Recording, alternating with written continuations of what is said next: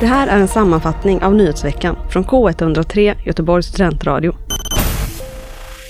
Västtrafiks undersökning visar att majoriteten av resenärerna är negativa till civila biljettkontrollanter. SVT Nyheter skriver att ett av Västtrafiks argument för införandet av civilkontrollanter är att fler resenärer ser positivt på det än förut. Statistiken visar dock endast på en höjning med 1 procent. I undersökningen från våren 2023 svarade 50 procent att de tyckte det var dåligt med civilkontrollanter och 27 procent svarade att det var bra. Hösten 2023 ansåg 46 procent att det var dåligt med civilkontrollanter medan 28 procent ansåg det vara bra. Ordförande i Västtrafik, Bian Zainali, berättar för SVT Nyheter att hans egna upplevelse är ändå att inställningen hos resenärer har förändrats till det bättre. Från och med februari kommer civilkontrollanter att återinföras. Artificiell intelligens kan hjälpa ambulanspersonal att rädda liv. Det visar en ny studie från Chalmers, Göteborgs universitet och Högskolan i Borås.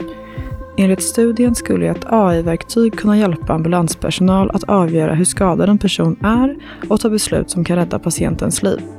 AI-verktyget ska kunna säkerställa att allvarligt skadade personer transporteras direkt till sjukhus och får rätt behandling.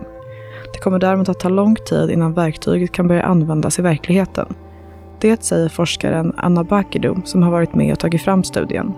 I framtiden hoppas hon att AI-verktyget ska fungera som en extra kollega som kan hjälpa ambulanspersonal att ta objektiva beslut. Tingstadstunneln stängs av i helgen. Mellan den 19 och 21 januari kommer Tingstadstunneln att stängas av helt för trafik. Detta skriver Trafik Göteborg på sin hemsida. Anledningen är att det kommer ske installationer och tekniska lösningar för vattenförsörjning. Tingstadstunneln stängs ner på fredagen 22.00 och öppnas upp igen på måndagen 05.00.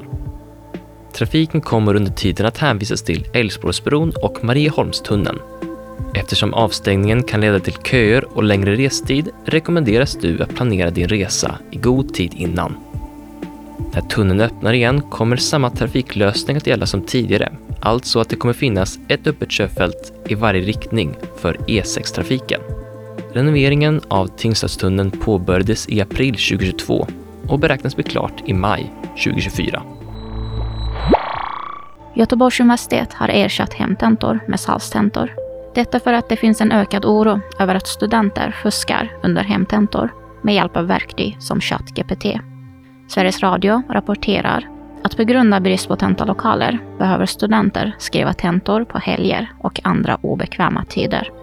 Karin Åström, enhetschef på utbildningsenheten för GU, berättar att universitetet har ett pågående arbete för att inrätta nya lokaler.